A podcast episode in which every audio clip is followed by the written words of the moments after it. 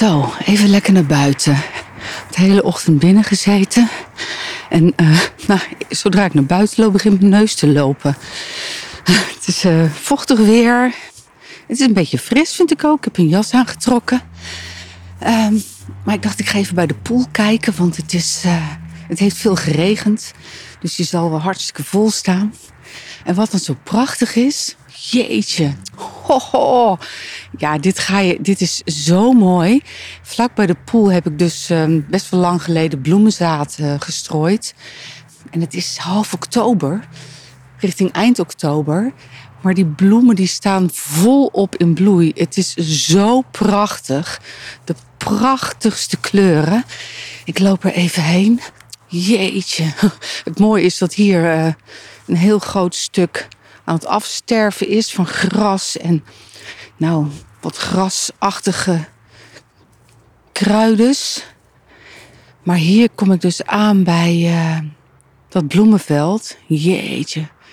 Donkerrood, paars, geel, oranje, wit, roze, lila. Nou, ja, eigenlijk alle kleuren die je kunt bedenken, ook in alle tonen.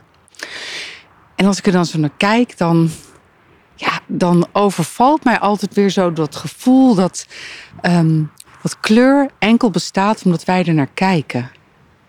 Als je je omdraait en er niet meer naar kijkt, dan bestaat eigenlijk de kleur ook niet meer.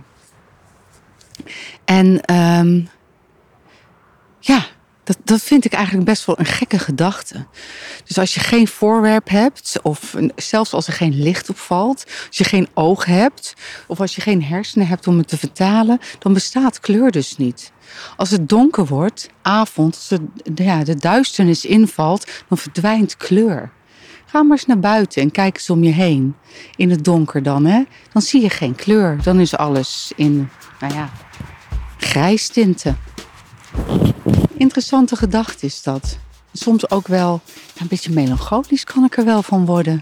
Dat kleur enkel bestaat door een aantal um, dingen samen te voegen. Het voorwerp, licht, de ogen en je hersenen. Die zijn alle vier nodig om kleur te kunnen waarnemen.